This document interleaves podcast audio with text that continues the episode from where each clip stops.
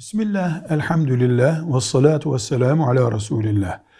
Büyük günahlar, faiz, kumar, zina, alkol, hırsızlık, gasp gibi, anneye babaya saygısızlık gibi, kadına iftira etmek gibi büyük günahlar işlendikten sonra bu günahlardan tövbe edilmedikçe ahirette cehennemden kurtulmak mümkün değil.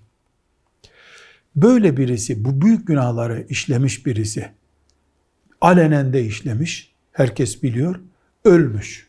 Bunun cenazesine gidilip kılınmalı mıdır? Mesela katil, mesela annesini dövmüş, mesela faizci idi, biliniyor, tefeci idi, biliniyor. Diyorlar ki alimlerimiz, bu kafir değil büyük günah işlemiş, Müslüman hala. Kafir olduğuna dair belgemiz yok. Dolayısıyla ne kadar büyük günah işlerse işlesin, onun cenazesinin kılınması Müslümanların görevidir.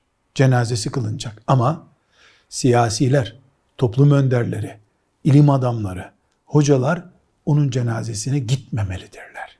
Ki Müslümanların kötülüklere karşı, haramlara karşı kamuoyu oluşturma, nefret perdesi kurma güçleri zayıflamasın. Velhamdülillahi Rabbil Alemin.